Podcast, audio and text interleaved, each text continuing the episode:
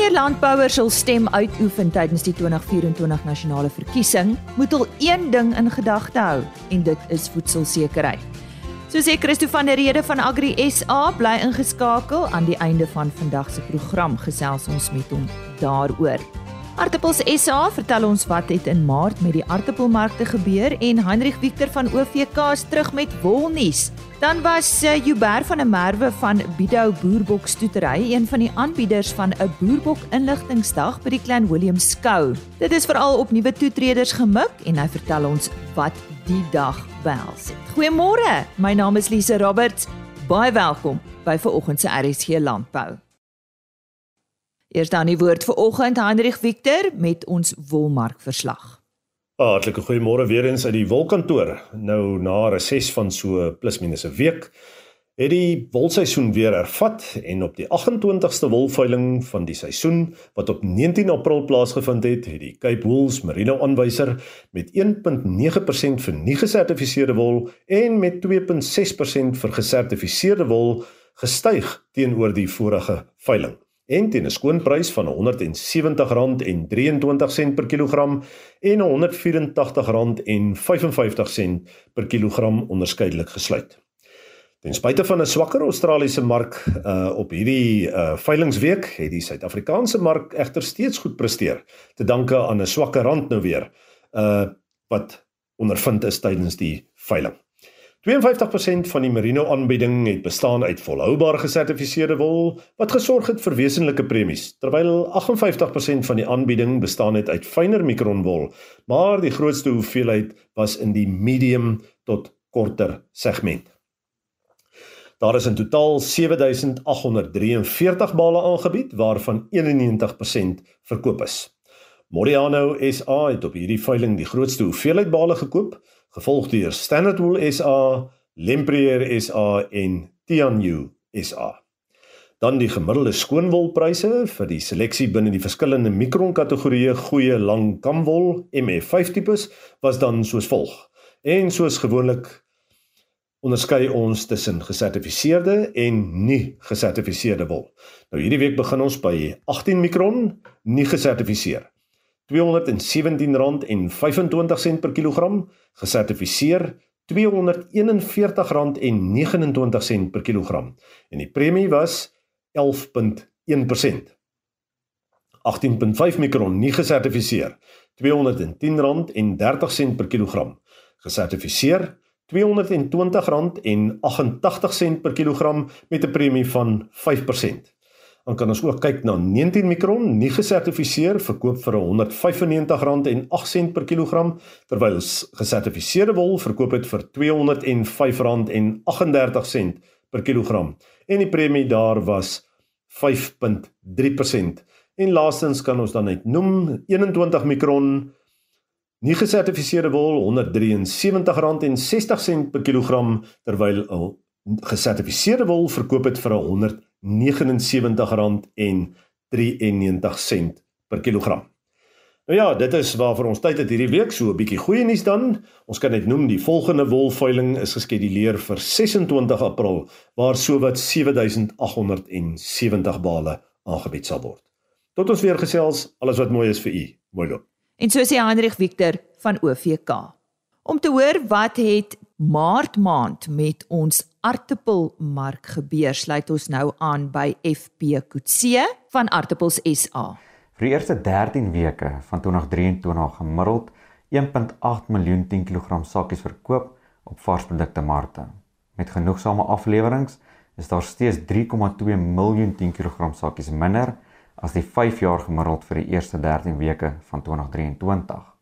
Die gemiddelde prys van die periode was R20.30 meer as die vorige jaar vir dieselfde tydperk en het op R57.82 per 10 kg sakkie verhandel vir alle klasse en alle groottes. In Maart 2023 was die gemiddelde voorraadvlak op varsprodukte markte 754 000 10 kg sakkies per dag. Dit is 'n gemiddeld van 188 000 10 kg sakkies per dag meer as Februarie se daaglikse voorraadvlak. Die jaar op jaar maart gemiddelde voorraadvlak het met 2,4% gedaal teen 18010 kg sakkies minder per dag. Die gemiddelde daaglikse prys vir Maart 2023 wissel tussen R50.81 en R63.32 per 10 kg sakkie. Daar was groter wisselvalligheid in prys as in 2022 vir dieselfde tydperk. Die gemiddelde maandelikse prys daal met 2% week op week. Die gemiddelde maandelikse prys vir alle klasse, alle groottes was R57.82 met 'n gemiddelde maandelikse prys vir klas 1 medium van R57.32 per 10 kg sakkie. Die totale afleweringe op varsprodukte markte vir Januarie 2022 was om en by 8 miljoen 10 kg sakkies. Die streke met die meeste afleweringe gedurende Maart was Suidwes Vrystaat, Noordwes, Oos-Vrystaat, Gauteng en Sandveld. Van die voorafgenoemde 5 streke het Suidwes Vrystaat en Noordwes die grootste stygings in afleweringe getoon vir die maande Februarie en Maart. Sandveld se afleweringe het met 61% gedaal. In terme van klasverspreiding vir Maart maand het klas 1 met 2% gedaal tot 73% in vergelyking met Februarie. Beide klas 2 en klas 3 het toegeneem met 2% met klas 4 wat onverander gebly het. Vir Maart maand was groot, groot medium en medium aartappels 85% van alle aartappelverkope op varsprodukte markte. Medium, klein medium en klein aartappels se verkope het gedaal. Groot aartappels het toegeneem met 3%. Gedurende Maart het verkope op 10 miljoen 10 kg sakkies geëindig maar se verkope was 872000 sakkies minder jaar op jaar. Oos-Vrystaat was die markleier gedurende Maart met 30% markandeel en 5,8 miljoen 10 kg sakkie verkope. Suidwes-Vrystaat was die streek met die tweede grootste markandeel en het 19% van verkope uitgemaak. Noordwes het 13% markandeel besit. Dis dan FB Kutse met die aartappel markverslag vir Maart maand. Hy is nasionale streekskoördineerder vir Artappels SA. Glen Williams skou wat vanjaar 82 jaar oud is, is een van die skoue in die Wes-Kaap wat baie moeite doen om blootstelling aan nuwe toetreders tot die landbou te gee. Voorheen het die skou al suksesvolle kleinvee skoue vir hierdie boere aangebied en vanjaar is daar dorper en boerbok inligtingsdae gehou. Ons het na afloop van die inligtingsdae met twee van die aanbieders van hierdie inligtingsdae gepraat. Een van die aanbieders van die Boerbok inligtingsdag, Hubert van der Merwe, eienaar van die Bidou Boerbok stoetery naby Klein Willem, het gesê daar was al lank 'n behoefte aan 'n Boerbok inligtingsdag vir nuwe toetreders tot die landbou. Hy vertel meer daarvan en hoekom die inligtingsdag aangebied is. Die uh, geleentheid was daar vir die Weskaap Boerbokklub in samewerking met Departement Landbou Weskaap. En die die, die gedagte was dat ons die inligting wat ons het ons as stoetteelers uh wil ons graag oordra aan die kleinboere in die gemeenskap. Nou die kleinboere wat die inligtingsdag bygewoon het, het uit die omgewing gekom, hoofsaaklik uit die Cederberg area en Wuppertal area. Hier was ook klein boere uit ander streke van die gebied. Die behoefte van 'n boerbok inligtingsdag was al lankal geïdentifiseer by die klein boere. Ons het gevoel die mense boer meestal met bokke in hierdie bergagtige dele en ons wil graag hê dat hulle moet die kwaliteit van hulle bokke verbeter. Daar is van hulle wat al goeie materiaal het. Mense wat al die afgelope paar jaar goeie ramme by stoetteelers gekoop het en wat se bokke merkbaar al verbeter het. Maar die meerderheid het ons gevoel is daar nog 'n leemte van bokkennis en ook die standaard van hulle bokke is nie baie goed nie. Die boerbok is dan nou ook 'n vleisrasdier en ons wil hê dat die klein boere moet hulle bokke so verbeter sodat hulle ook maksimum vleis kan dra dan ook die kwaliteit van die bokke moet verbeter. Uber en Mac Hendrik Jordaan, voorsitter van die Weskaap Boerbok Klub, het die inligtingsdag aangebied. Ons wou by Uber weet of die klub tevrede is met die terugvoer wat hulle na afloop van die inligtingsdag gekry het en of daar meer is wat die klub kan doen om die nuwe toetreders verder met inligting te bemagtig. Hier was omtrent 40 klein boere wat die dag bygewoon het. Ek en meneer Meg Jordan, die voorsitter van Weska Boerbok Klub, het hulle toegespreek.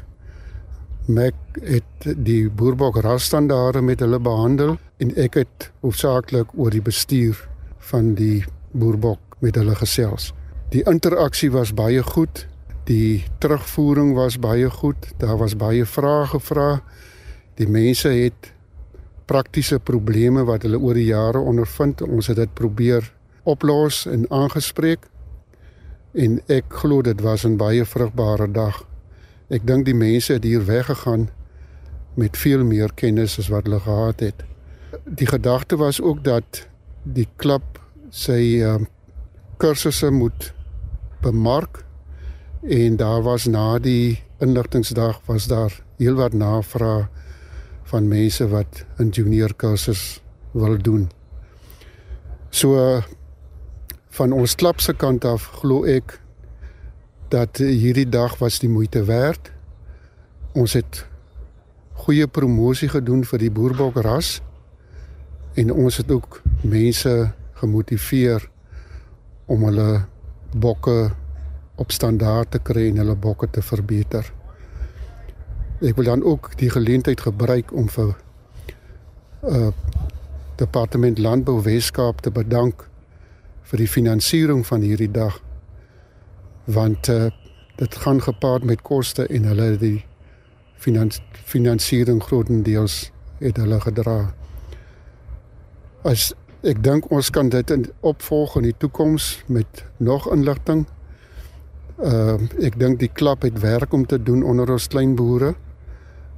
Hier is baie klein boere in die area in die Weskaap Boerbok klubgebied wat die inligting nodig het. Hulle boer met 'n boerbok, maar ek dink nie hulle weet regtig wat die standaarde is nie en ek dink van klub se kant af kan ons die moeite doen om vir hulle op te lei en die regte inligting oor te dra. Dis dan Hubert van der Merwe, eienaar van die Bidou boerbokstoetery naby Clan Willem, wat een van die aanbieders was van 'n boerbok inligtingsdag vir nuwe toetreders tydens die Clan Willem skou. Nou môreoggend in RSG Landbou hoor ons van Pikkie Resou. Hy is inspekteur van die Dorper Telersgenootskap van Suid-Afrika en hy het die praktiese deel van die Dorper Inligtingsdag hanteer maar dis môreoggend in RSG Landbou.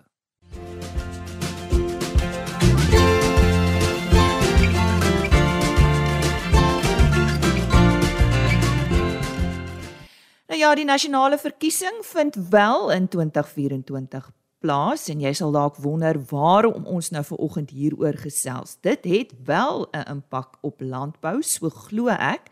Maar kom ons hoor wat sê Christo van der Rede van Agri SA. Christo, ja, hoekom is dit nodig dat ek ver oggend met jou gesels oor die nasionale verkiesing volgende jaar? Môre Lisa en môre aan al die luisteraars. Elke verkiesing ehm um, is van kritieke belang. Uh, baie spesifiek, uh, jy weet in die Suid-Afrikaanse politieke en ekonomiese konteks. Want die politieke party wat die regerende party word besluit uh, eintlik maar oor uh, watter rigting die land inslaan polities as ook ekonomies. En dit is baie belangrik uh, dat uh, die landbousektor uh, moet verstaan. Uh, jy weet wat die toekoms behels, wat die uitdagings behels en of die politieke keuses wat mense uitoefen wel 'n uh, party aan bewind bring wat die uh, uitdagings en ook die geleenthede verstaan uh, wat op die pad kom van die landbousektor. Nou volgens ons nasionale grondwet artikel 27 baie spesifiek praat van voedselsekerheid vir al ons mense. En ek het nog nie gehoor van 'n parlement wat kos produseer vir sy mense nie. Daai verantwoordelikheid berus maar by die land se boere. En Suid-Afrika is baie geseënd in die opsig dat ons 'n baie sterk kommersiële landbousektor het. Uh, 'n landbousektor met 'n ongelooflike gesofistikeerde en moderne waardeketting. En dit is baie belangrik dat ons daai waardeketting so stabiel as moontlik hou. Want ons het gesien wat uh ontwrigtings kan veroorsaak. Uh die uh onlangse uh COVID inperkings het 'n uh, baie negatiewe uitwerking gehad en ontwrigting teweeggebring in terme van die globale logistieke uh landbouwaardeketting. Om nie eers te praat van die oorlog wat plaasvind tussen Rusland en Oekraïne en hoe dit natuurlik gelei het tot allerlei ander probleme. Stygings in ehm um, die uh, koste van uh, kunsmis, koste van petroleum, as ook koste van verpakking en koste van verskeping. Uh en dan uh, het ons binnelands ook ons eie uitdagings, net die opstande in KwaZulu-Natal wat tot grootskaalse vernietiging van infrastruktuur gelei het. Ek wil nie eens praat van die uitdagings wat beerkrag op die pad bring van die landbousektor nie. En dit veroorsaak groot ontwrigtings deur die waardeketting. En gister se aankondiging oor die inflasiekoers uh wat besig is om te styg, uh is 'n groot bron van kommer uh vir die jy weet die Reserwebank. Ek het net die uitsprake van die Reserwebank se uh, uitvoerende bestuur van raak gelees. Uh, en dit gaan lei tot verdere stygings in rentekoerse. Nou rentekoerse het die afgelope uh paar jaar sedert 2020 20 ehm um, geweldig gestyg. En dit bring verdere koste druk mee vir die hele uh, landbouwaardeketting. En vir die boer maak dit kapitaal net meer duurder en dit maak dit net meer ontoegankliker. En dan moet 'n mens teruggaan na die oorsaak van hierdie probleme. Vir jouself vra, waar het hierdie probleme ontstaan? Is ons uh regering by magte om hierdie probleme vir ons op te los of dra ons regering by tot die vererging van hierdie probleme. Uh en uh hoe kan ons deur middel van jy weet uh, deur om die tafel te sit deur middel van voorspraak en deur middel van konstruktiewe interaksie uh die regering oortuig om nuwe beleidsrigtings in te slaan uh om uh jy weet hierdie onwrigtings op een of ander manier te mitigeer en seker te maak dat ons uh uitvoering gee aan die ideaal van voedselsekerheid uh vir al ons mense soos dit omskryf word deur artikel 27 in die nasionale grondwet. Uh en dan kom 'n verdere vraag op uh, jong maar hoe maak ons seker dat uh, ons van die landbousektor ja ons rol is apolities maar dat ons 'n rol speel om die belangrikheid van voedselsekerheid en die faktore wat voedselsekerheid aan bande lê of ondermyn om daai goed op uh nasionale media en uh uit te spel sodat die gewone man op straat gedwing kan word om te begin dink oor wat gaan ons maak as ons jy weet uh, gekonfronteer word met voedseltekorte en hoe gaan dit impak op sê of of uh, haar uh, bestaan in lewensbestaan. Onthou nou dat ons het reeds 'n groot uitdaging met uh elektrisiteits uh tekorte. Ons praat in Engels van load shedding.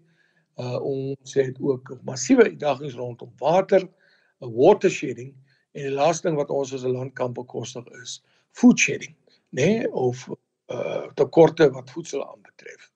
Uh dit is goed wat ons nie ligtelik kan opneem nie. Jy weet, want die die probleem is is, is dat as ons nie nou nou as 'n landbousektor as 'n kollektief begin uh dink en saam beplan oor hoe sien ons die land se toekoms nie en hoe dra ons uh speel ons 'n rol om voedselsekerheid te verseker vir almal in die land nie dan uh gaan uh, jy weet dan gaan dit baie laat word in die dag uh hier is 'n venster van geleentheid en ons moet dit benut om uh jy weet 'n uh, 'n uh, uh, uitkoms 'n uh, positiewe uitkoms uh jy weet oor 3 of 5 jaar of 10 jaar te kan verseker. En baie keer dit is ons op ons lauere, ons aanvaar hierdie goed maar as vanselfsprekend en uh, jy weet soos die spreekwoordelike uh, padda sit ons in die koue water en ons weet nie eens dat die water is besig om te verhit en uh, die padda is besig om uh, stadig maar seker dood te te brand nie. So absolute paraatheid is nodig en jy weet ons moet 'n rol kan speel om die toekomsgang van die land uh, op 'n positiewe manier te beïnvloed en seker te maak dat die regte mense gekies word wat die belange van die land voorop stel, wat die ekono wat ekonomiese uitkomste voorop stel en dit nie aan bande laat lê deur bepaalde ideologiese voorkeure nie. Christo, ek wil graag vrae hier op die tafel sit. Nou RC Landbou praat nie graag politiek nie. Ons los dit vir ons nuusprogramme, maar die boodskap wat ek kry van jou vanoggend is jy moet reg kies maar hoe weet jy? Moet jy kyk waar 'n verskil gemaak word? Ek praat maar van landelike gebiede, né, want dit is maar waar ons boere is. So hoe, hoe kies ons? Hoe weet ons of die mense 'n verskil gaan maak vir wie jy kies? Kyk, ehm um, Suid-Afrika se uh, nuwe demokratiese bestel is mos dan nou nie 'n dag oud nie. Dis mos al nou meer as 24 jaar aan die gang sedert 1994. En ek reis die hele land vol En dis verskriklik om in daarop te kom en die verval te sien en die agteruitgang te sien. As gevolg van kortsigtige politieke onderstrominge uh en ook uh, politieke veilspel en ook selfverryking wat eintlik maar 'n mooi woord is vir uh korrupsie.